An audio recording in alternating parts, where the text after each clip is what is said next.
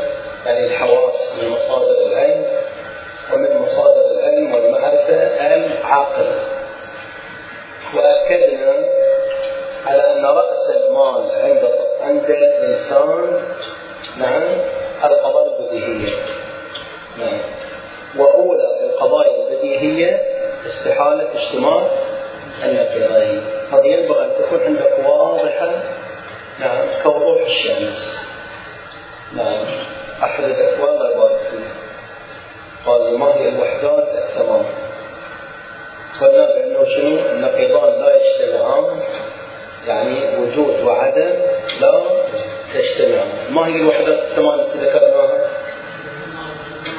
وحدة الزمان وحدة المكان. زين. والموضوع والمحمول. والكل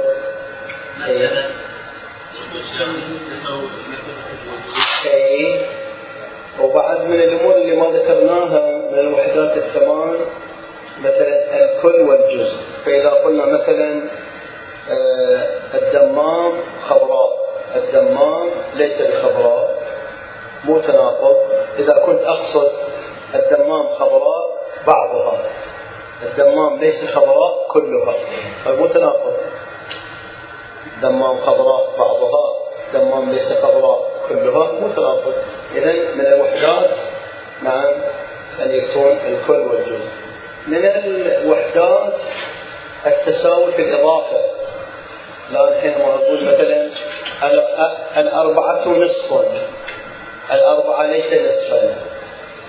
مو الأربعة نصف للثمانية ليست نصفا للعشرة إذا متى يكون تناقض؟ الأربعة نصف للثمانية، الأربعة لا نصف للثمانية. فإذا وحدة الإضافة وهكذا واضح الآن؟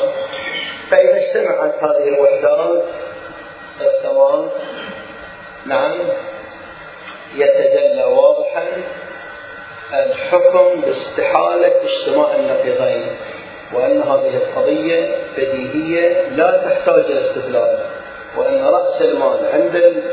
عند كل عالم رأس المال ما هي؟ القضايا البديهية تقريبا هذا ملخص ما آه. ثم قلنا بأن ولادة الإمام الحجة سلام الله عليه ثابتة بالتواتر والتواتر الذي ذكرناه آه، التواتر المعتبر هو أن نحصل تواترا موجودا في كل طبقة من الآن إلى الحدث. فحينما ندعي أنه مولود. سلام الله عليه. في عام 255 نعم. فلا بد أن يحصل لنا تواتر موجود في هذا الزمان. قد تسلمناه من الزمان الذي قبلنا والزمان الذي قبلنا تسلمه من الزمان الذي قبله والذي قبله من الزمان الذي قبله وهكذا فلا بد أن نحرز وجود التواتر في كل الطبقات هذا ما ملخص ما ذكرناه البارحة في هذه الليلة وعدتكم بأمرين الأمر الأول أحضرت معي الكتاب طلع الكتاب نقرأ بعض العناوين الواردة في الروايات التي تثبت ولادته هذا جزء من البحث. والبحث والجزء الآخر بيان مقامات الإمام الحجة هذه الليلة الليلة الجاية في شنو؟ في شو اسمه؟ في الغيبة الكبرى الصغرى لماذا غاب كذا نعم بسم الله بحثنا من هذه طبعا أيضا آه لا بأس بهذا التنبيه الذي ذكره بعضهم آه هناك آداب حينما نريد أن نتحدث عن روايات أهل البيت عليهم السلام. أو حينما نريد أن نصلي لها أو أن نذكرها هناك بعض الآداب من الآداب الواردة الوضوء. يستحب لمن تصدى لذكر روايات أهل البيت أو النقل عنهم أن يتوضأ. يستحب.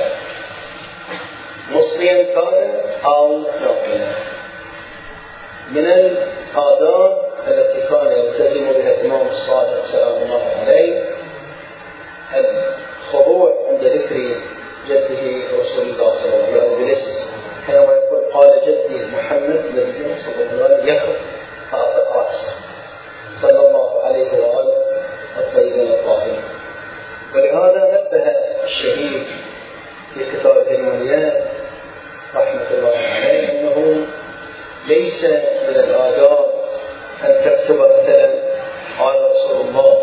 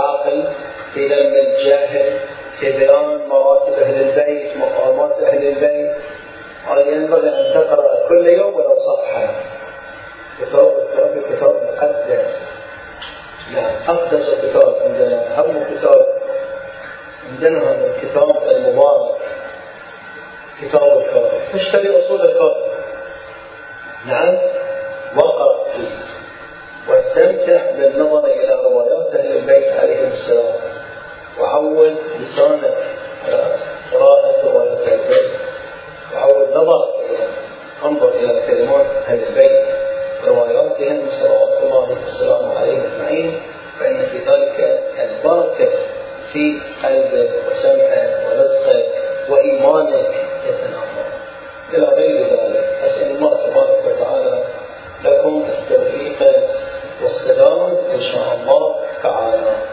اللهم صل على محمد وآل محمد وعجل فرجهم. صل على محمد وآل محمد. اللهم صل وسلم.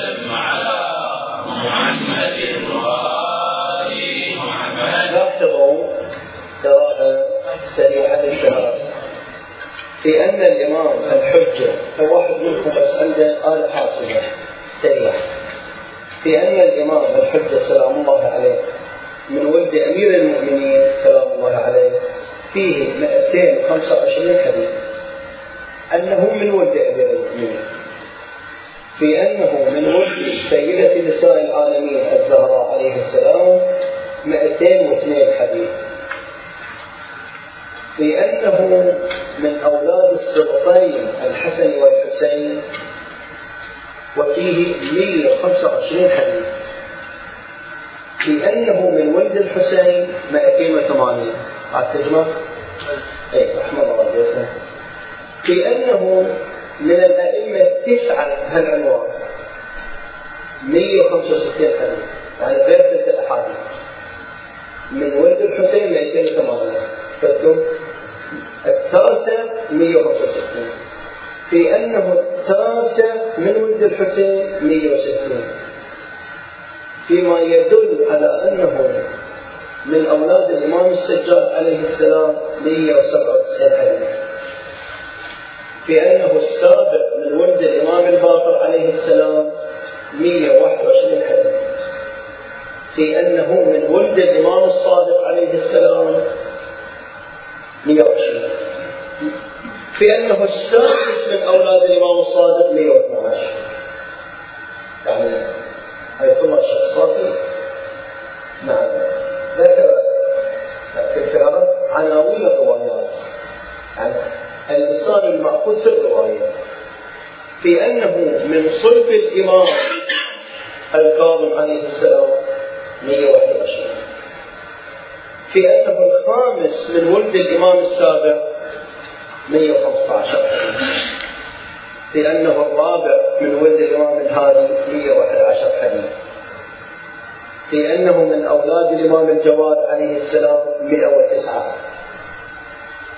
في أنه من أولاد الإمام أبي الحسن علي بن محمد 107 في أنه خلف أبي الحسن وابن أبي محمد الحسن العسكري 107 فيما يدل على أن اسم أبيه الحسن 108 إلى الآن كم؟ مجموع الروايات؟ ها؟ ها؟ 2413 صلى على اللهم صل وسلم على محمد محمد هذا ما قاله الشيخ رحمه الله لكم كلمته البارحه لقد احصيت قبل الشيخ صالح الروايات الوارده في شان الامام الحجه عليه السلام فرأيتها تزيد على ثلاثة آلاف حديث بحيث لم يرد في شأن النبوة هذا الكلام. هذا الكلام. نعم. صلوات الله وسلامه عليه. نعم.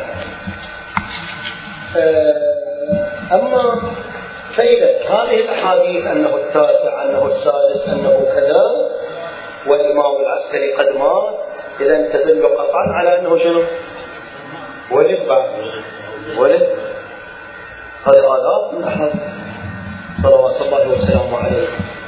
آه كثير من أبناء العامة وافقونا وذكروا أنه ولد. كثيرون. أكثر من 60 شخص. أكثر. أنا كتبت بقلمي أكثر من 60 شخص. الشيخ الصافي الله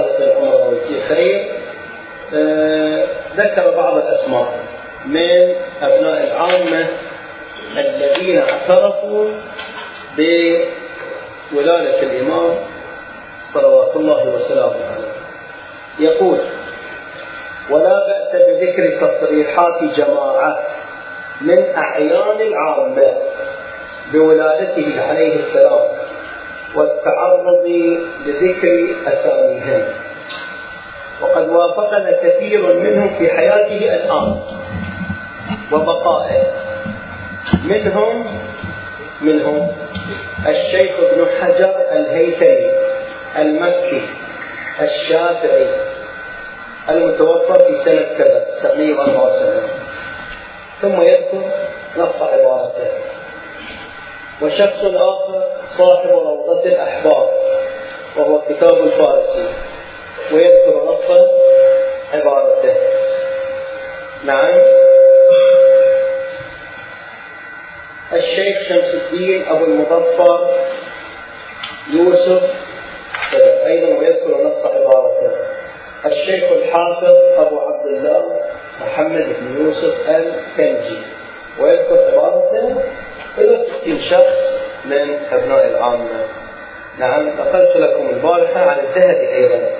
باب الذهبي آه، لم أجدها هنا لكن أنا وجدتها في كتاب نعم في آه، كتاب الذهبي الذهبي عنده عدة آه، كتب كتاب اسمه تهذيب الكمال الذهبي وكتاب آخر في التاريخ.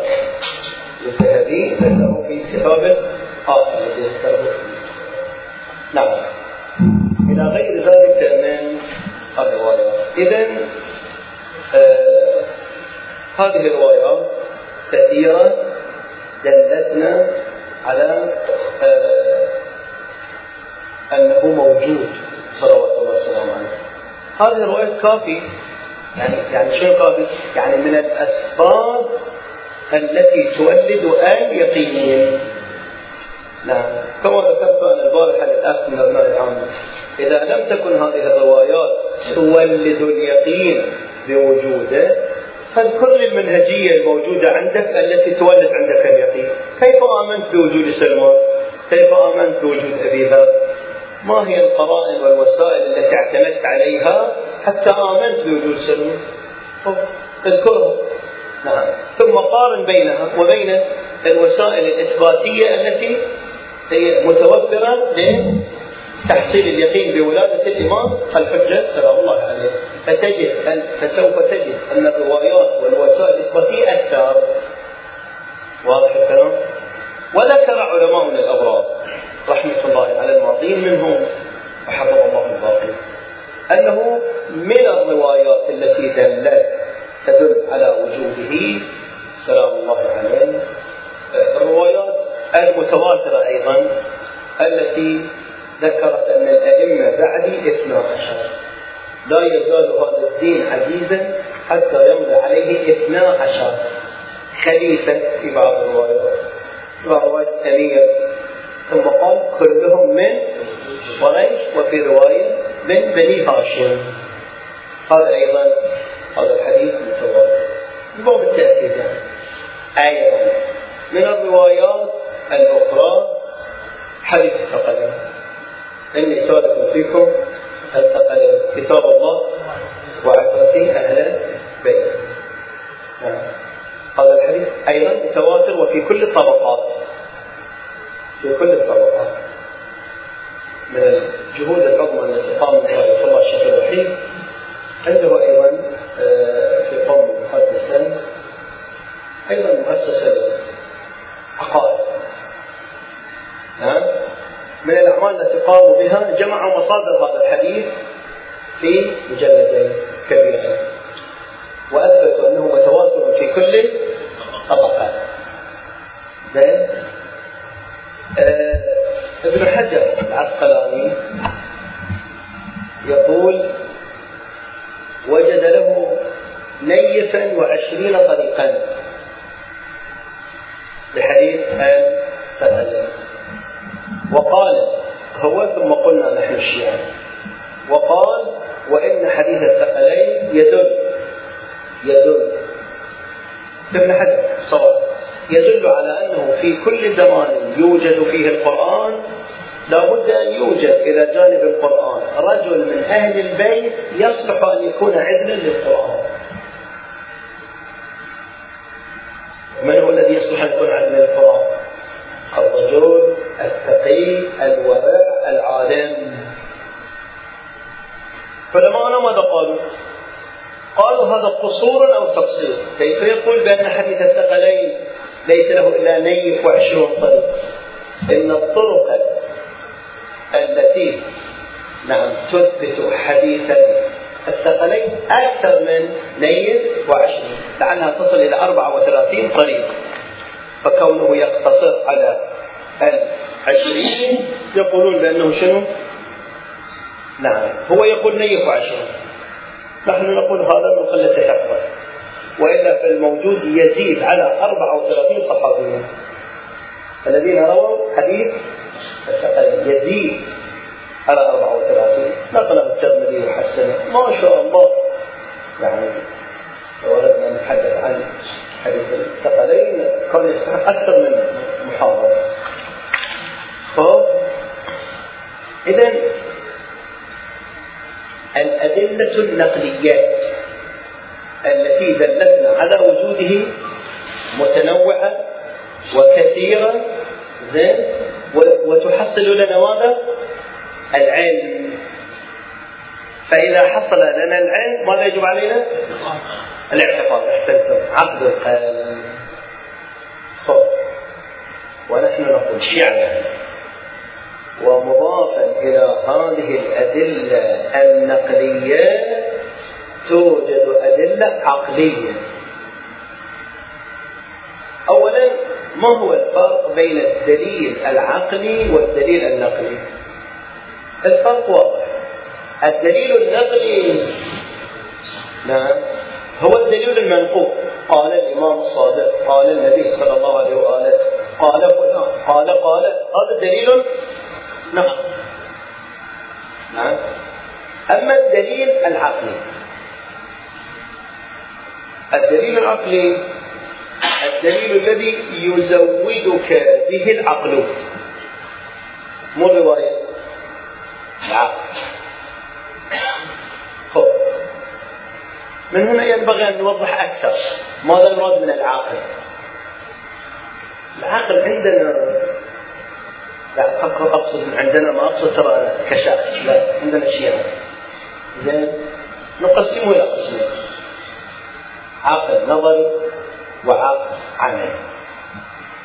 العقل النظري القوة المدركة التي تدرك بها القضايا النظرية. مثل واحد زائد واحد كم؟ هاي يسمون عقل نظري يدرك. وعندنا العقل العملي. الظلم قبيح أم حسن؟ قبيح. ما معنى قبيح؟ يعني ينبغي تذكر العدل حسن يعني ينبغي تركه فعله. هذا عقل عملي. أنت لو تسألني سؤال. ما هو الفرق الجوهري بين العقل النظري والعقل العملي؟ سأقول لك سأؤجل الجواب. لأن واحد يحتاج إلى محاضرة لكن يستاهل. شاء الله. نتوفق وياكم أوضح هذا الشيء. وفيه فوائد جميلة فيه من هنا نحن ننطلق ونرد على العلمانية ونرد على كذا من هذا البحث من هذا البحث. من بحث العقل النظري والعملي. إن شاء الله فيه لكن ما نريد نخلط الأبحاث. اذا عندنا عقل نظري وعندنا عقل عملي. خب. مدركاتنا العقلية. ها؟ مدركاتنا العقلية نقسمها إلى أقسام. بعض مدركاتنا تصل إلى مستوى الظن. تصل إلى مستوى الظن. وبعض مدركاتنا تصل إلى مستوى اليقين. قطعا واحد زائد واحد كم؟ قطعا العدل الحسن يجب ينبغي فعله. كلامنا الآن يا أعزائي في مدركات العقل القطعية. ما لنا شغل بين بين المدركات الظنيه القطعية لهذا سيد الطائفة. سيد الخوئي رحمه الله في زمانه سيد الطائفة.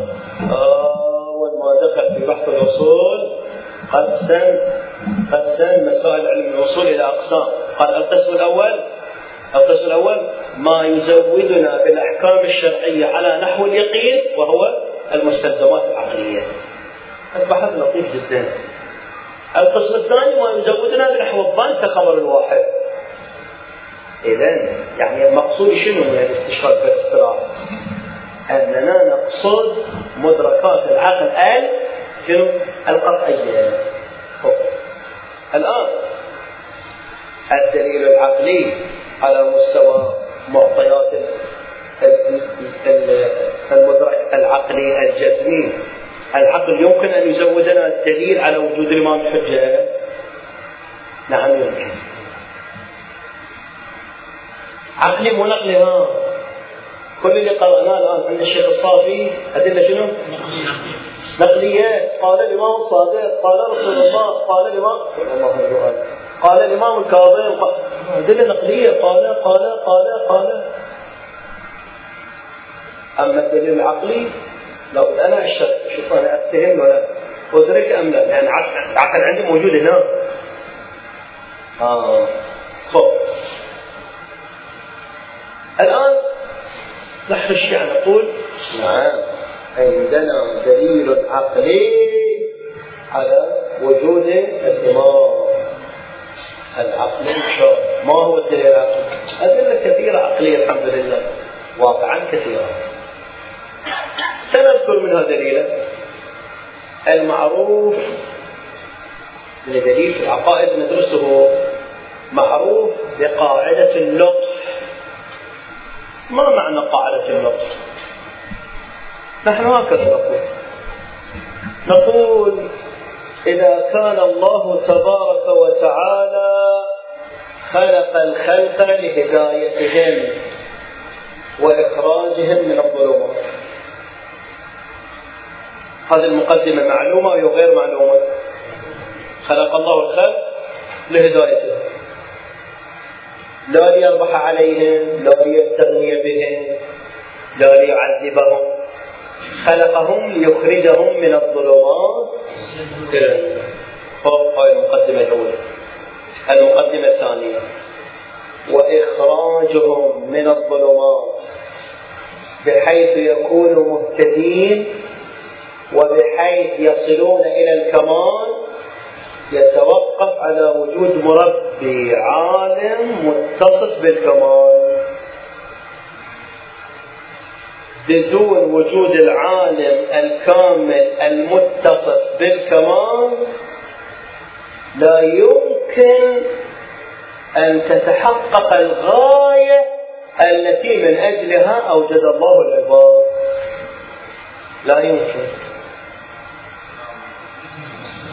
وهل يمكن أن تتخلف الغاية؟ الغاية عند المخلوق يمكن أن تتخلف. ينشئ الواحد منا مدرسة ويضع منهج من أجل أن يوصل الطلاب إلى مرتبة علمية معينة ثم لا ينجح ولا واحد. ممكن. أن يتخل أن تتخلف الغاية عند المخلوق.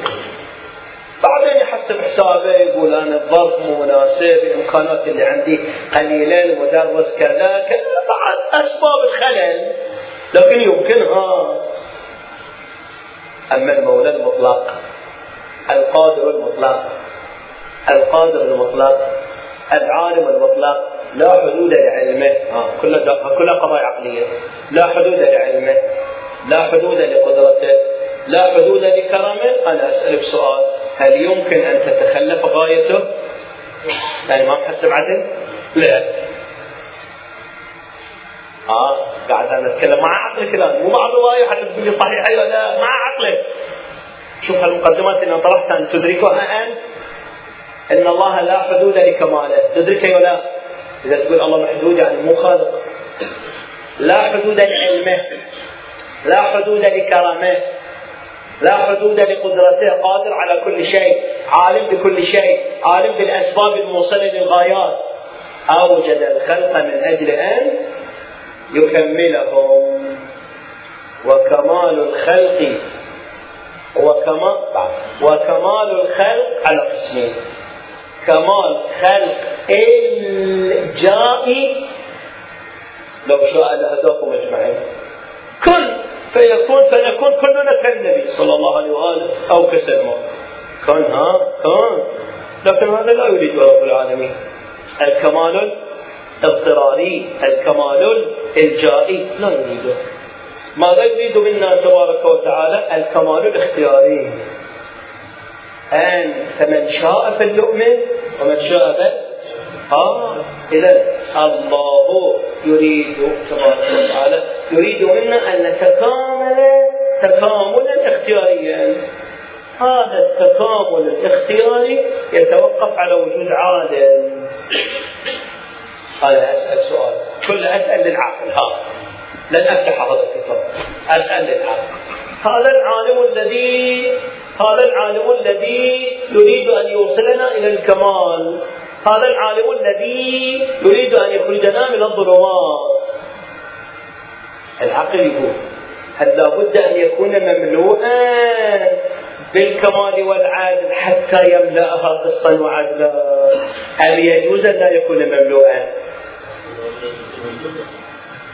هل يجوز أن لا يكون مملوءا بعدين تجي لنا قاعدة فاقد الشيء.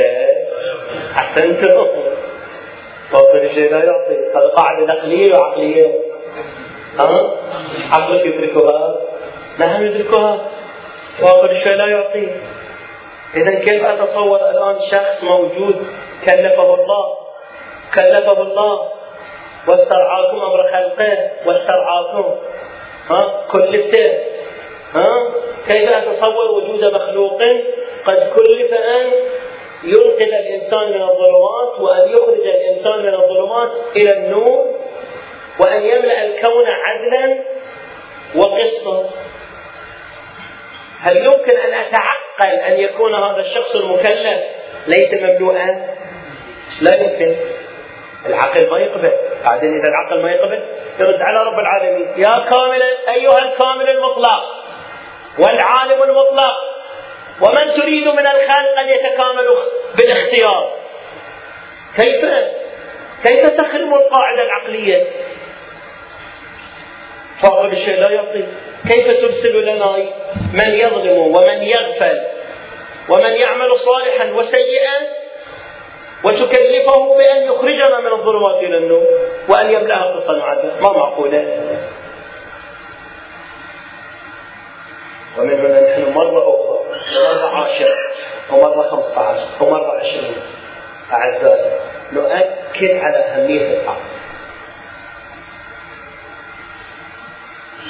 أول باب في الكافي قبل ما يجي لباب التوحيد قبل ما يجي لباب النبوة باب العقل. العقل. رفيق الأمة مهم الكلام هذا. أعزائي مهم لو من خمس دقائق كلها ما نحصل هالفائدة أنا أنا أنا, أنا بقتنع أنه كافر أقول رب العالمين الذي هو شاهد على الخلق أجمعين. ها؟ أراد منا أن نؤمن بربوبيته عن طريق العاقل. عن طريق العاقل بك أتيت يا عاقل بك أعاقل ذكاء فيه. ذكاء عاقل الإمام صلى الله عليه وسلم يقول دعامة الإنسان العاقل. الله يقول وما ربك بظلام يخاطب عقله. يعني أنت الآن بعقلك اوزن توحيدك لله اوزن وما كنا معذبين حتى يعني ليس من شأننا أن نعذب حتى نبعث رسولا. يريد أن يثير فيك هذه الحيثية العقل. هو العصر والرخيص لا حد يجي بكره يخبط عليك اصل الصوفي بالنجف شنو له شوية فالصوفيه موجود بس. ولا يعطونك رموز ومغلقات ويقول لك هذا الدين بين قوسين رموز ومغلقات ويقول هذا الدين. فالشيء ما تعرف شفافية وأشياء رموز. يقول لك هذا أسرار لا تدخل فيه. أؤمن به لا. أحد يصادر عقلك ها؟ ولا ما في أعظم من توحيد الله؟ والله أراد مني أن أوحده استنادا إلى مدركات عقلية أكو أعظم من التوحيد شوف الجواب اللي عندنا فإذا ما بعد التوحيد أولى شنو ما بعد التوحيد؟ النبوة. العصمة. الإمامة. المعاد المرجعية الأخلاق. أي معتقد من المعتقدات يريد أن يصادر مدركات العقل؟ يقول مع السلامة أنا إنسان محترم عندي عقل. ولهذا ينبغي لك أن تطالع الروايات الواردة في فضل العقل حتى تجعلها ركيزة حتى تعرف عن أهمية الكافي عندنا. الكافي مو تدابر جمع روايات جمع روايات وكذا كما هو الشأن في غيرة في البخاري لا لا لا. هذا كتاب عظيم كتاب تحقيق. آية الله العظمى السيستاني الحفظة هذه الحوزة ندرس وندرس يقول السيد الثاني أنا أفرق الكلين من يصف الروايات ويخليها الرواية رقم واحد. والرواية رقم اثنين عندها هدف فيها علمي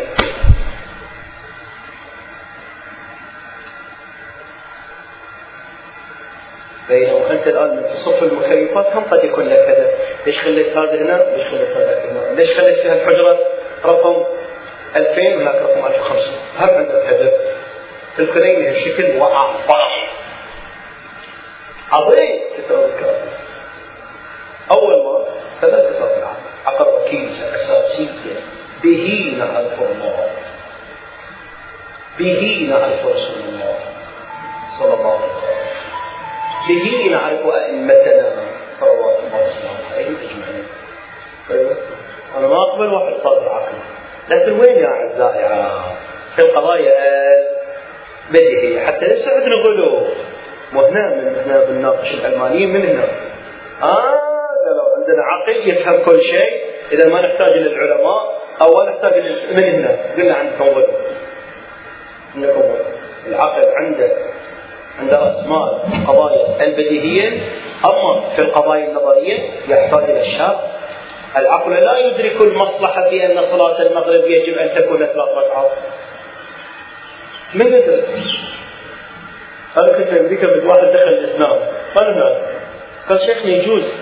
أنا كنت أصلي المغرب عندما نأذن المغرب. أنا تغير صيف شتاء صار دوامي يكون أروح العصر قبل المغرب. تكون علي صلاة المغرب. وين؟ في العمل وما أقدر أصلي. قبل غروب الشمس بساعتين أقدر أصلي المغرب؟ لا. قال ليش؟ مش راح فهم القاعدة هذه. نحن نحترم العقل تماما ونعتمد على العقل ونعتبره مقياسا حتى لمعرفة الله. لكن وين؟ في القضايا. مثل المركب لا يمكن أن يكون قديما. القضيب الجديد. واضح. اذا الله ليس بقديم. ليس ليس بجسم ليس بمركب. أما أن صلاة المغرب قبل الوقت ليس فيها مصلحة. وعند دخول الوقت فيها مصلحة. شديدة جدا جدا جدا جدا. قلت لهذا الأخ الأمريكي الآن بعض الوصفات مال الطبيب يقول لك ابلع هذا المراد ثلاث مرات في اليوم ليش يحدد لك؟ ليش أنت تقدر تخالف في التحديد؟ قال لا ليش؟ إذا كان في العمل ممنوع أن تدخل حبوب قال لا تريد مشخص مصلحة أن الحبة الأولى ينتهي مفعولها عند كذا فيحتاج جسمي إلى مفعول الحبوب الثانية آه كذلك رب العالمين. مشخص أن صلاة الظهر ينتهي مفعولها عند هذا الوقت زين. صلاة المغرب يبتدي يبتدي مفعولها عند هذا الوقت هذا قلت لتقريب المثل للتقريب. فنحن لا لا لا. لا لا تنتهي لا نلغي العاق مثل الأشعريين اليوم ليش؟ له جسم يليق بجلاله، له رجل تليق بجلاله، لا ينافي العقل، قال لا أنت بس احفظ هذا واعتقد به ولا تسأل، ما نصيب الفاز العقلي ليش؟ ما نصيب القضايا اوليه هذه. اللي اللي جسم يصير محدود يصير حادث، ده الفاز العقلي. هاي اشعريه. علماني بالعكس. بالعكس. يعتمد بالعقل في البديهية والقضايا النظرية. وجابوا عن الإسلام. قالوا نحتاج إلى إذا نحن. نحن هكذا. نحن المسلمون نحن الشيعة الأصيلون نعطي العقل حقه ومعياريته والمعيار. لكن في القضايا البديهية قضايا مو بديهية. ولا العقل ما يقدر يكتشفها فنحتاج إلى كذا الشرع المقدس. عرفنا الآن. يلا نرجع عليك المطلب قاعدة أساسية هاي تحتاج دائما نحتاجها دائما نحتاجها أنا أطلب منكم. تقول أن أنه تقولون تعال وضح لنا القاعدة أكثر. وضح أكثر. إحنا نلتقي بعلمانيين وغير علمانيين في الطرفين نلتقي. بمن يلغي دور العاقل نلتقي. تعاملنا ونلتقي ونلتقي بمن يبالغ؟ نلتقي لاحظ على الاتحاد فوق نجي للعاقل؟ نقول له يا سماحة العاقل. اعطيني دليل على وجود الإمام؟ إن شاء الله. دليل على وجوده دليل على عصمته. سلام الله عليه. بس ما حدد لك اسمه العقل اسمه ابن الحسن؟ لا ما حدد؟ ما حدد لك الاسم. الاسم من يحدده؟ النقل فقط. النقل فقط الشرع فقط. يقول الأول من الأئمة اسمه علي الثاني اسمه الحسن. سلام الله عليه الثالث الحسين. الرابع علي بن الحسين. الخامس محمد الباقر. الثالث جعفر الصادق. السابع موسى الكاظم الثامن علي بن موسى الرضا. التاسع محمد الجواد. العاشر علي الهادي. الحادي عشر الحسن العسكري الثاني عشر الإمام الحجة الله صل وسلم على محمد وعجل وأهله. تحديد الأسماء والعدد مصدره فقط النقل فقط. إذا العقل وين يسعفنا؟ في القضايا الكلية. العقل هكذا يقول. يلا الآن سأعيد معكم دور العقل في في بناء الدليل. دور العقل. الله كامل المطلق نعم. لا بخل في ساحته خلق الخلق لهدايتهم. واضح. لإخراجهم من الظلمات إلى النور. صحيح. ليتكاملوا تكاملا اختياريا. صحيح. لا إلجائيا ولا اضطراريا صحيح. يتوقف التكامل الاختياري على وجود القدوة والمربي الكامل. صحيح. لأن المربي الناقص نعم. لا يمكنه أن يكمل الناس لأن فوق الشيء لا يمكن إذا لابد من باب اللطف لابد أن يوجد لنا رب العالمين بين ظهرانينا رجلا كاملا الكامل يعني المعصوم عالما يعني عالم معصوم الآن لابد أن يوجد هذا ما أسعنا به الدليل العقلي قاعدة كلية يعطينا العقل. لابد أن يوجد الشخص الذي به نصل إلى الكمال لأن قاعدة اللطف تقول إن الله إن العقل يدرك أن الله تبارك وتعالى لابد أن يوجد ويوفر للخلق أسباب تكاملهم. كما يعطيهم عقولا تدرك وعيون وآذان لابد أن يوجد لهم الإمام. بعض أبناء العامة ما فهم مقصودنا قلت كيف تقولون يجب على الله أن يوجد الإمام؟ ما رد عليه المحقق النائم أستاذ مراد.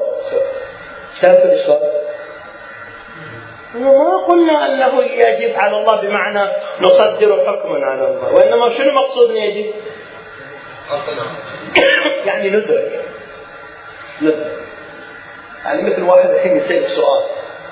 يقول لك رجل فقير طرق باب كريم والكريم لا مانع عنده عنده خير عنده عشاء عنده كل شيء ويعلم بالفقير. ها؟ ماذا تقول؟ سيعطيه. كيف تحكم؟ ما ليس لك سلطان على الكريم. لا هذا مو حكم. هذا سميه حكم بس هو إدراك. يعني أدرك أن الكريم سيعطي. واضح مقصودنا؟ ندرك ندرك إدراك وليس تصدير الحكم. الآن واضح أعزائي. إذا كم دليل حصلنا الآن؟ حصلنا دليلا نقليا وحصلنا دليلا عقليا على وجوده وعلى عصمته. نعم؟ دليل على وجوده والدليل على عصمته. لأنه قد كلف سلام الله عليه أرواحنا له الفداء أن يخرج الناس من الظلمات وكيف يخرجهم؟ وكيف يملأ الأرض قسطا وعدلا إذا لم يكن هو كاملا ومملوءا؟ هذا هو البحث الأول أو الجزء الأول من حديثي معه. الجزء الثاني ما هي مقاماته. مقاماته عظيمة مقاماته عظيمة جدا جدا. نعم. وجزء آخر أريد أن أطرق له كيف نصل إليه؟ باختصار. مقاماته عظيمة إذا أردنا أن إذا أردنا أن نعرف الشيء من مقاماته. الليلة إذا رحت إلى بيته. أصول الكون وافتح واقرأ الرواية التي يصف فيها الإمام الرضا عليه السلام ويذكر فيها أوصاف الإمام المعصوم في حديثه مع عبد العزيز. فترة الإسلام. لما كان في خراسان. يذكر الكثير في هذه الرواية. نعم إن شاء الله ذكروني التي الجاي يأتيكم بالرقم والصفحة أعظم رواية أطول رواية. ذكر أوصاف الإمام هذا. يبين فيها مقام الإمام. إيش رايكم التي الجاي إن شاء الله أتلوها عليكم؟ إن شاء الله. الإمام الرضا سلام الله عليه يبين ما معنى الإمام نعم. اللهم صل على محمد وآل محمد. صل على محمد. اللهم صل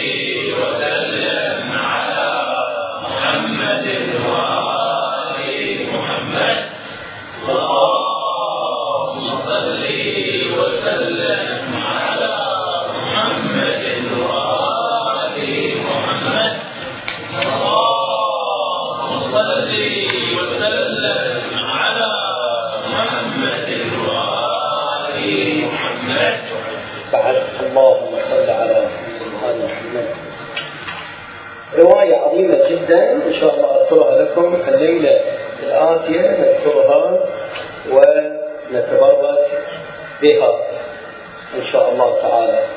يؤكد فيها الإمام الرضا سلام الله عليه على أن الإمامة أس الإسلام السامي وفرعه النامي. نعم. يعني هي أطول رواية تتحدث عن أوصاف الإمام المعصوم صلوات الله وسلامه عليه. فوق مثل لا بأس إذا مقاماته عظيمة حتى ندخل في بيان مقامات الإمام. ما هو تعريف الإمامة عندنا؟ ما هو الإمامة؟ المعروف الموجود في بعض الكتب أن الإمامة رئاسة في شؤون الدنيا وهذا التعريف المشهور عند أبناء العامة.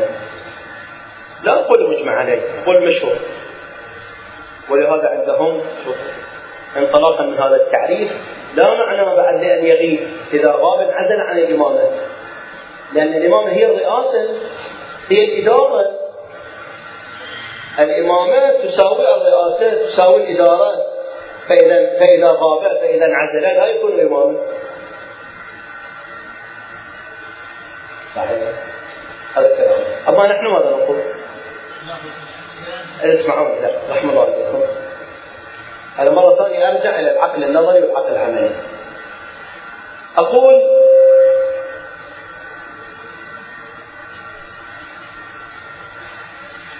ما هي فائدة العقل العملي بالنسبة للإنسان. هذا السؤال أنا سأجيب الجواب بدون وجود العقل العملي للإنسان نعم سيختل نظامه الفردي وهذا هو المجنون. من هو المجنون؟ الذي تصل منه حركات غير متوازنة. بلسانه بيده يمز كذا بينما العاقل. الفرق بين المجنون والعاقل بالشكل. أنت العاقل عندك عاقل. لا ينبغي إن اضع يدي هكذا ينبغي إن اسكت ينبغي إن اتادب ينبغي إن يكون ثوبي نظيفا. ينبغي أن يكون كلامي كذا. محددا. لا اشتم لا هذا منو اللي؟ منو اللي يسيطر على حركاتك منو منو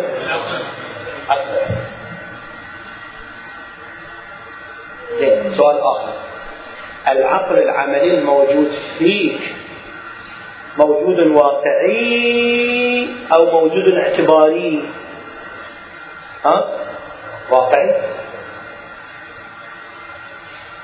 يعني شنو الفرق بين الموجود الواقعي والموجود الاعتباري؟ الموجود الاعتباري كما إذا افترضنا الآن هذا ملتقى الشباب رئيسه زيد فلان. هذا أمر اعتباري. عشر أيام سنة سنتين بعد نقول له رئيسه عام وليس زيد. غير هذا وجود شنو؟ أما كون الرأس هنا فوق جسدي هذا وجود واقعي أو اعتباري؟ واقعي. العقل العملي. ها موجود واقعي أم اعتباري؟ واقعي إيه؟ عندك عقل عملي؟ قطعا. قطعا. موجود بالوجود الواقعي أو الاعتباري؟ لا بالوجود الواقعي آه. طيب. نحن نقول اسمع اسمع باختصار. الإمامة هي العقل العملي لعالم الإمكان. المدبرة لعالم ووجود الإمامة في هذا الكون وجود واقعي. فمنصب الإمامة مو منصب اعتباري. عند أبناء العامة منصب اعتباري. فاخترنا زيدا خلاص هو الآن هذا الدليل. أو نختار عمرا أو نختار اخترنا هذا. وبإمكاننا أن نختار هذا. نحن نقول منصب الإمامة منصب واقعي. هذه مسألة مهمة هذه وليس منصبا. يعني مو مثل منصب العمدة.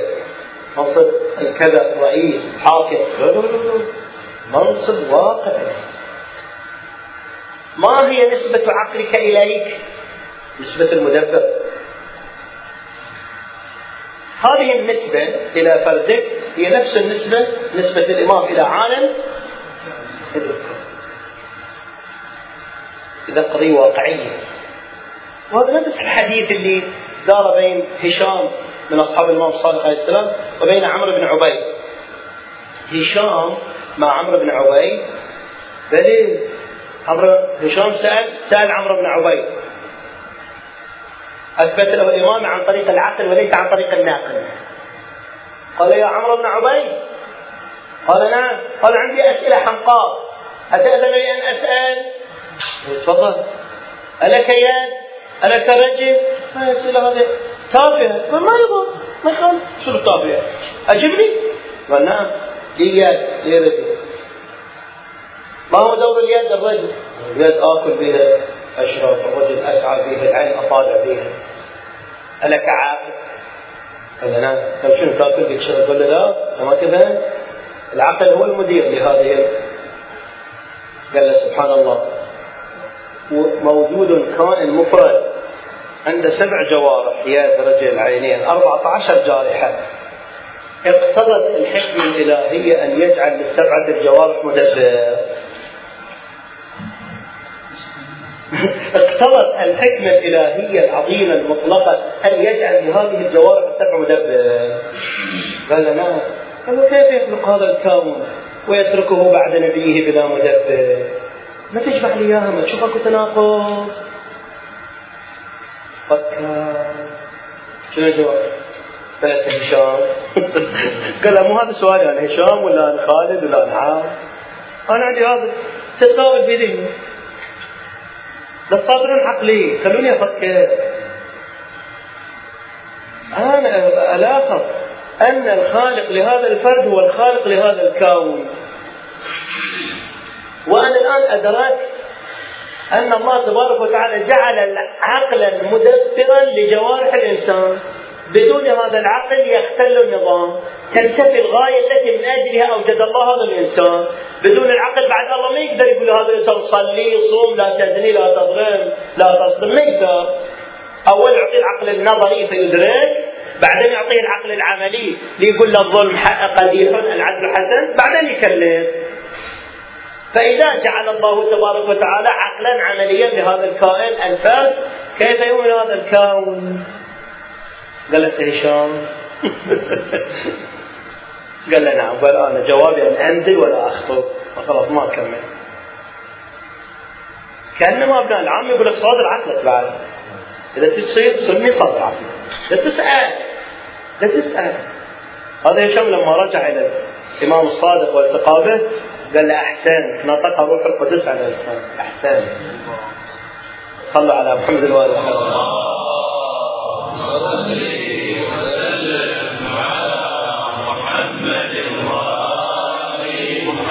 إذا الآن الإمامة هي المنصب الإلهي الذي موقعه في الكون من باب التقريب كموقع العقل النظري بالنسبة إلى الإنسان أو على حد التعبير الإصفهاني أستاذ المراجع الواسطة في الفيض. كل فيض يصدر من السماء من خير عطاء كرم عن طريق الإمام. الجامعة قالت بكم آه وبكم آه ينزل الغيث. بكم بكم وبكم يمسك السماء أن تقع إن ذكر هذا الإمام هذا الجامعة. تعطيك تعريف للإمام. إن ذكر الخير كنتم أوله وأصله وفرعه ومعدنه ومأواه ومنتهاه. آه. الخير الخير يصدر من الله. إرادة الله في مقادير أموره. الله. عندك الزيارة عندك مفاتيح الجيران هنا؟ افتح الزيارة الأولى للإمام الحسين. زيارة والد إرادة إيه، اسمعني. اصغي اصغي اصغي اصغي إرادة الله في مقادير أموره تهبط إليكم والصادر عما فصل من أحكام العباد. تحير العباد. لو كنت تسمع هذا البحث خلاص ترتفع الحيرة. بعيد الموضوع. قبل ما أعيد الموضوع بقول عندي عندي لله إرادتان إرادة كلية وإرادة جزئية. إرادة كلية. صلوا صوموا. هذه كلية. صلاة هذا لا يمكن أن تكون إلا بإذن الله. هذه إرادة شنو؟ جزئية. صلاة هذا صوم هذا أكل هذا نوم هذا هذا هذا هذا لا لا. جزئية. زيارة تقول إرادة الله. في مقادير أموره تهبط إليكم. على من تهبط؟ محمد وآل محمد صل وسلم على محمد وآل محمد. بسم الله الرحمن الرحيم. إنا أنزلناه في ليلة القدر وما أدراك ما ليلة القدر. ليلة القدر خير من ألف شهر. تنزل الملائكة والروح فيها بإذن ربهم من كل أمر. سلام. هي حتى تنزل تنزل الملائكة. تنزل. والروح. روح القدس. وين وين وين يهبط وين يهبط روح القدس؟ وين وين وين؟ مطار مالته وين؟ محطة مالته وين يصدر فيه قلب إمامنا الحجة. صل وسلم على محمد وآل محمد فهل بإمكانك أن تحيط أو تتوهم؟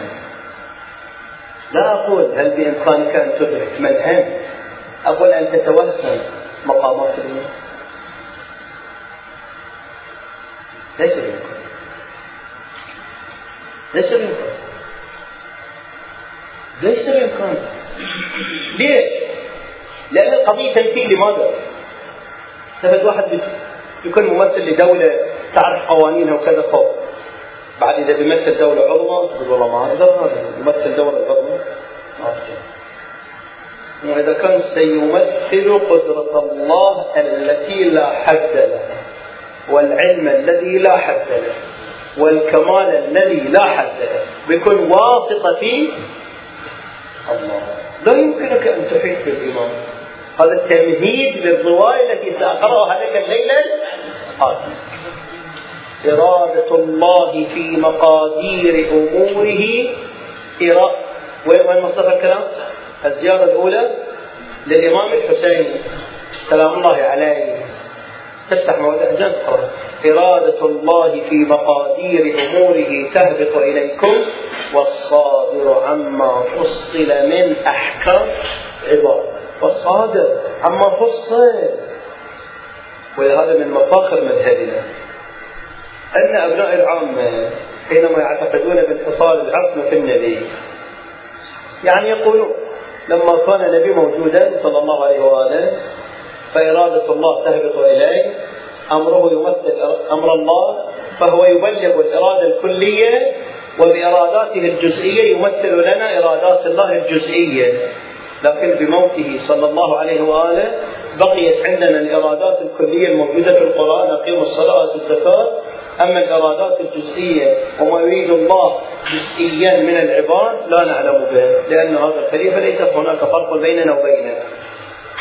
ليس هناك فرق بيننا وبينه. مو بس الكفار ولعله لا يعرف الكثير من الجزئيات هو بنفسه ما يعرف شخصيا الكثير من الجزئيات. البخاري ينقل قضية لطيفة جدا بس اعفيني عن ذكر الاسم. أو بعد المحاضرة يقول لي الاسم مو مشكلة. فشخص من الصحابة طرق الباب على شخص من الصحابة الكبار. طرق الباب طرق طرق طرق ما حد فتح له غاب بعد ما راح هذا الصحابي الكبير التفت له وين؟ البخاري يقول ها ها وين راح؟ راح. عجيب. احضروه. احضروه. انت تستحق الجنة تستحق التأديب قال له لا أنا ما استحق التأديب قال له ليه؟ قال له أنا عملت بسنه رسول الله صلى الله عليه وسلم. إذا واحد يجي يضرب الباب وما يحصل أحد أو ما يفتحون له أو حتى لو يحصل أحد ما يفتحون له خلاص يرجع هذا باب التأدب هكذا قال عجيب لا كان عفو. لكن اريد شاهد ثاني على أنه النبي صدر من الحديث. قال له يدخل راح هذا الصحابي للناس للصحابة كبار فلان فلان. قال أنا الآن أنقذوني لأن فلان يريد أن يضربني. إذا لم أضم إلى إلي شنو؟ شاهدا يشهد أنه سمع الحديث من النبي. إيش قالوا له؟ إيش قالوا له؟ قالوا له خذ واحد من صبيان يشهد. معناها شنو؟ أن هذا الحديث حتى صبياننا خذ هاي الصلاه هذا. خطيرها خطيرها هذا. البخاري هذا؟ خذ واحد من صبيان من يشهد. خذ خذ أكثر الآخر. أما نحن ماذا نعتقد؟ بعلي ماذا نعتقد؟ والحديث موجود في المستدرك وصححه قال صحيح وعلى شرط الشيخين. النبي صلى الله عليه وسلم يقول يا علي من أطاعني فقد أطاع الله. ومن عصاني فقد عصى الله. يا علي ومن أطاعك فقد أطاعني ومن عصاك فقد عصاني. فهناك دائرتان. كل من أطاعني أنا دخل في دائرة من أطاع الله. وكل من عصاني خرج من دائرة لا. ثم وأنت يعني من أطاعك دخل في هذه الدائرة فقد أطاعني. ومن عصاك فقد عصاني. دليل واضح على عصمة أمير المؤمنين. هذا عقيدتنا بعينه. الكمال والعصمة. فنحن بموقف النبي صلى الله عليه وسلم لم نقول الإمام الآن موجود. هذا الكثير يسأل هذا. الكثير يسأل. ما هي الفائده التي نستفيدها من وجوده وهو غائب. عجيب هذا السؤال. عجيب هذا السؤال. ليش عجيب؟ قلت تعال أنت مو شيعي. إذا كان شيعي لابد إنك تعرف تعرف الإمام أول من هو. عرفت؟ اذا عندك خلل التعريف مو بفائده أنت لو كنت من أبناء العامه الذين يقولون بأنه الإمامة هي رئاسة في شؤون الدنيا. يعني الإمام لابد نشوفه بعيوننا يأكل ويشرب ويامرنا وينهانا ويستشيرنا ونستشيره ومجلس وزراء ومجلس كذا. إيه؟ فإذا غاب كيف يدبر الأمور؟ هذا تعريف الإمام عندهم. أما تعريف الإمام عندنا الامامه منصب إلهي يكون واسطة الخير به يرزق الله العباد به يمسك السماء تقع هذه مشروطه بظهوره وبأن نعرفه. مشروط لا. ما مشروط ما مشروط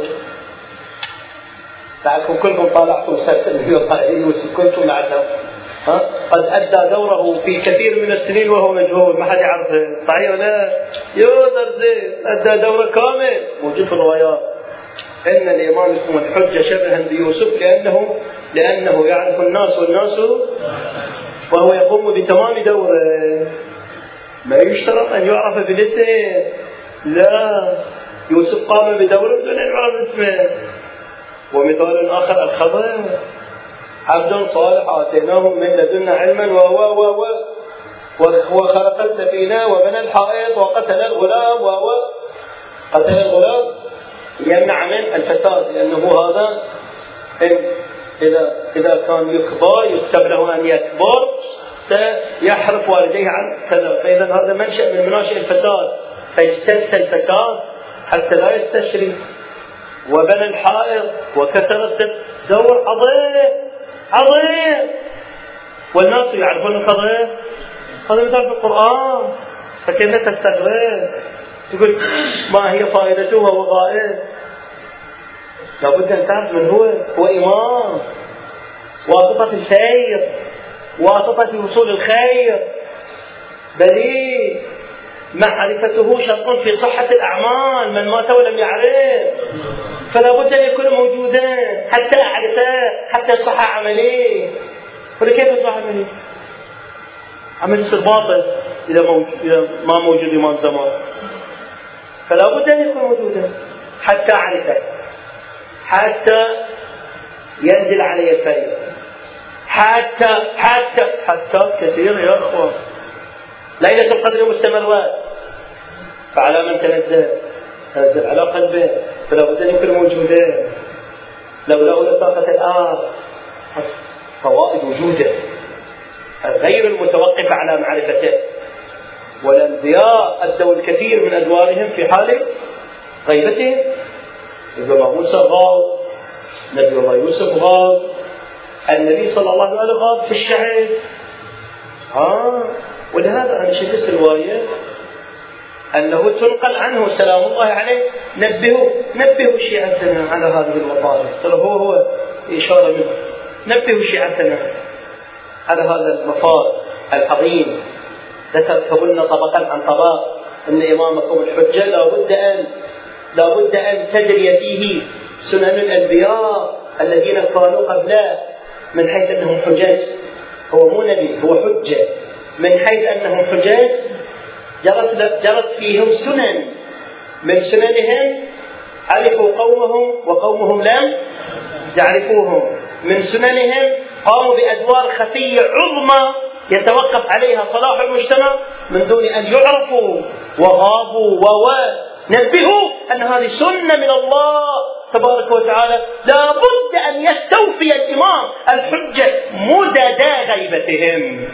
الروايه هكذا مدد غيبتهم. لابد فوائد كثيرة لوجوده. لا نستغني لا يستغني عالم الإمكان عن وجوده. إلا إذا استغنى الفرد عن العقل العملي. شو يكون عقل؟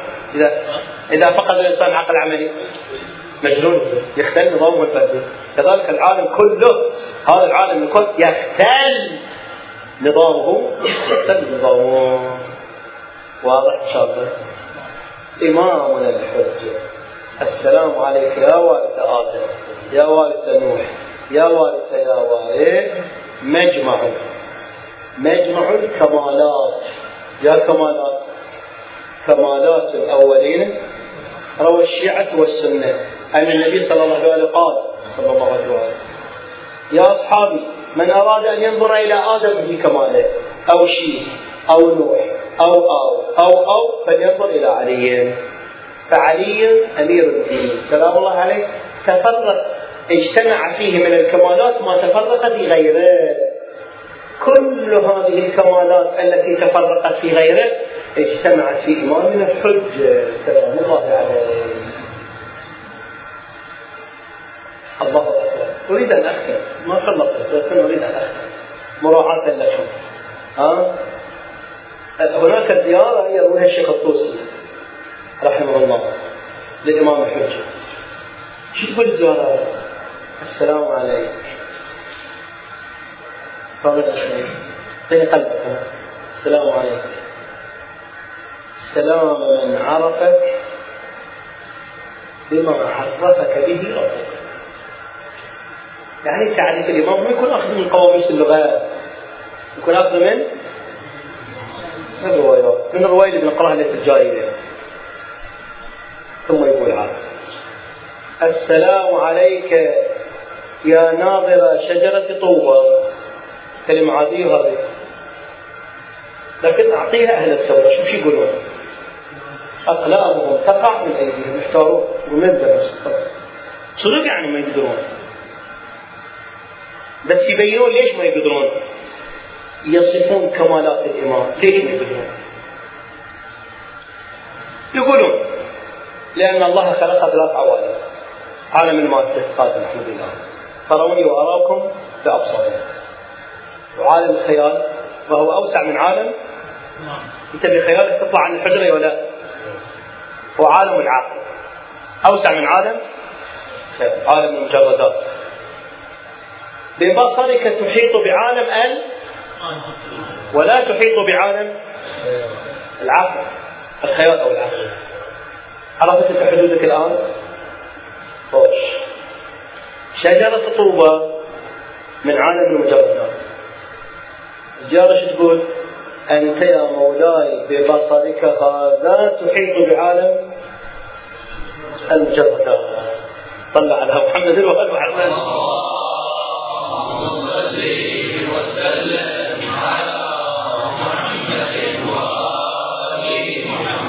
تقول أنا ما قلت السلام عليك يا ناظر. شجرة؟ شجرة طوبة من أي عالم؟ بصرك من أي عالم؟ أجل خيالك وين؟ أجل عقلك يا مولاي وين؟ بعد. بعد. أقول والله قد أعطاهم كمالا فوق العقل. هذا يبقى تهيئ نفسك لأن أقرأ عليك الرواية اللي جاية أنت الآن عندك عين خيال عقل وبس كافي عليك.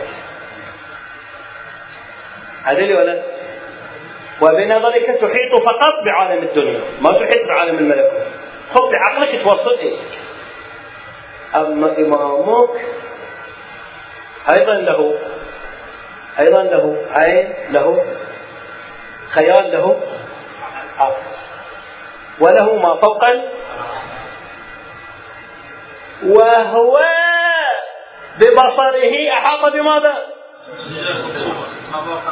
فهل منكم يستطيع أن يحيط بكمالات الإيمان؟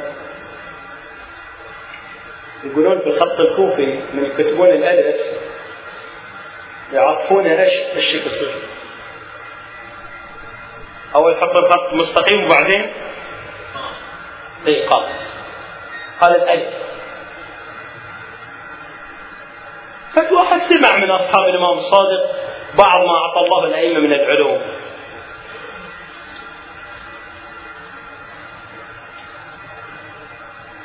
قال الإمام أنت إيش تتصور؟ أنت وين أنتوا يا ناس خاص أنتوا يا دكاترة يا أطباء أنتم تعرفون الأشياء بالأشياء وتحيطون بالمعلومات عن طريق الألفاظ. الألفاظ هي توصل كل المعلومات.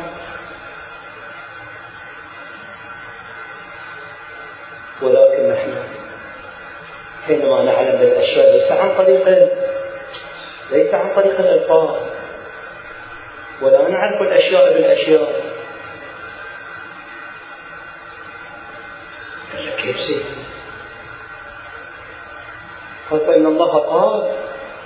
لنبيه قال؟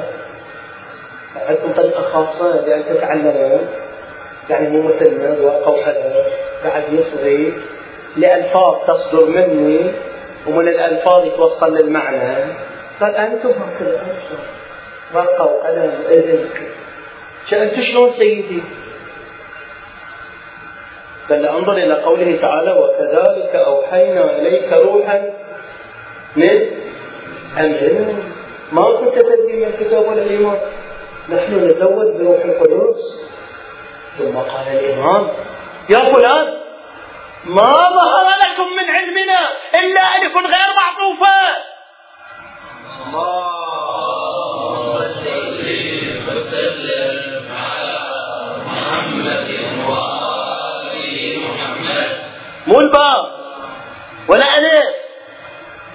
يعني. يعني كم ظهر لنا من علم كم ظهر لنا من علومهم؟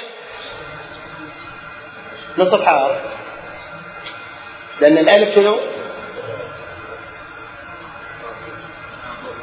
الإمام شنو قال؟ ما ظهر لكم إلى حد الآن إلا ألف لكن ألف يعني ابتدينا في الح... ابتدينا نكتب الألف لكن واضح بعد نجيب شوي لتلميذهم الملا صدره شوي شوي نجيب. ندخل شوي فلسفه شوي قينا قينا أعطني عقلك قلبك. الملا صدره في الفلسفه يقول ونعم ما يقول في هذا المورد لأننا لا نتفق معه في كل ما يقول. لكن هذا المورد نتفق معه. يقول تسمعني. يقول العلم بالأشياء الجزئية على قسمين. بعطيك المثال قبل ما أعطيك ملا صدر المثال. أنا مرة ادخل على فلان في الحجرة وأشوفه يكتب الدرس. زين. عامر ما دخلت عليه. لكن أنا إيش قلت لك؟ قلت لك عامر أيضا يكتب الدرس. تقول شلون؟ شفته؟ لا. أنا اعرف ذاته. أو دخل وقت الصلاة. فلان رأيته يصلي. فعلمت أنه يصلي من خلال رأيته. لكن فلان الثاني لا. ما لكن الآن يصلي. الآن هو. ليش؟ أعرفه. أعرفه. اعرفه أعرف ذاته. ومن خلال معرفة ذاته أعرف لوازم ذاته. إذا صار العلم بالجزئيات على كم قسم؟ على قسمين. القسم الأول أعرف أعرف أعرف هذه الجزئية من خلال نظري إلى الجزئية. أو من خلال واحد يخبرني. ترى فلان في الحجرة يصلي آه. صليت إيه. ما رد عليك بالتليفون لأنه قاعد يصلي. فعلمت بالجزئية أنه يصلي من خلال الأشياء. شيء أخبرني بشيء. جزئي أخبرني عن جزئي. هذا القسم الأول. معرفة الأشياء الجزئية بالأشياء. بالأشياء. القسم الثاني. معرفة الأشياء الجزئية من خلال عللها عللها. عرفت العلة فانتقلت إلى المعلول. عرفت الذات فعرفت لوازمها. فلان الآخر الآن يصلي. رأيته؟ لا. صل. كيف أقطع بأنه صلى؟ أعرف ذاته. معرفة المعلول من خلال إحاطتي بال بالعلات فرق بين العلمين. خب أنا وأنت نعرف الأمور الجزئية من خلال الأشياء. وهذا اللي يسميه الملا صدر علم منفعل علم جزئي علم يتغير علم علمون حصولي. ما أقدر أشرح الآن هذا المصطلح كثيرا. أما الإمام المعصوم يعلم بالجزئية لكن لا من خلال معرفته بالأشياء. وبناك أنت تتفضل عليه تقول له ترى فلان يصلي قال هذا صلي علمته بالجزئية أنت إنه محيط بالجزئيات من خلال إحاطته بال بالكليات بحقائق الأشياء. وكذلك نري وكذلك نري إبراهيم ملكوت السماوات والأرض. ومن أحاط بعالم الملكوت أحاط بعالم الجزئيات من باب أن هذا من اللوازم التي تلحق العلم بالكليات وشرائط الوصول إلى عالم الملكوت الطهارة المطلقة وقد حصلوا عليها وشهد القرآن لهم في قوله تعالى إنما يريد الله أن يذيب عنكم الرجس البيت ويطهركم وجاتني الإشارة لا يقول كافي ما هم ممتنع إن شاء الله. ولا بعد ما بعد أدخل لكم في الباب. ما العلم بالله. خلاص لي حج لا نكتفي نكمل الليلة الجاي أعزائي. حتى نتعرف على شيء من مقامات إمامنا؟ ها؟ أقول نعم. هذا من تفاعلكم. لا ثمان جيدة ثمان جيد ما يخالف. وإذا ثمان ونص حط ثمان ثمان ما في عشرة. عشرة هذا. هذا العشرة هذا. اللهم صل وسلم وزد وبارك على حبيب قلوبنا وشفيع ذنوبنا سيدنا ونبينا محمد وآل الطيبين الطاهرين. يا ريت واحد من الشباب الليل يلخص لي العناصر مال البحث هذا كله. ترى كله يتلخص أنا شرط عليه الإمامة شرط شرائطها الكمال العقل الدليل العقلي كيف يعرف الإمام بالجزئيات لا من خلال العلم المنفعل بل من خلال العلم الفعلي من الصدر والعلم المنفعل علم الأشياء بعضها من بعض والعلم بكل العلم والإحاطة بعالم الملكوت يكون في الكليات وتتحقق اللوازم لا الله اللهم صل وسلم وزد وبارك على حبيبك ونبينا وشفيع ذنوبنا سيدنا ونبينا محمد وعلى آله الطاهرين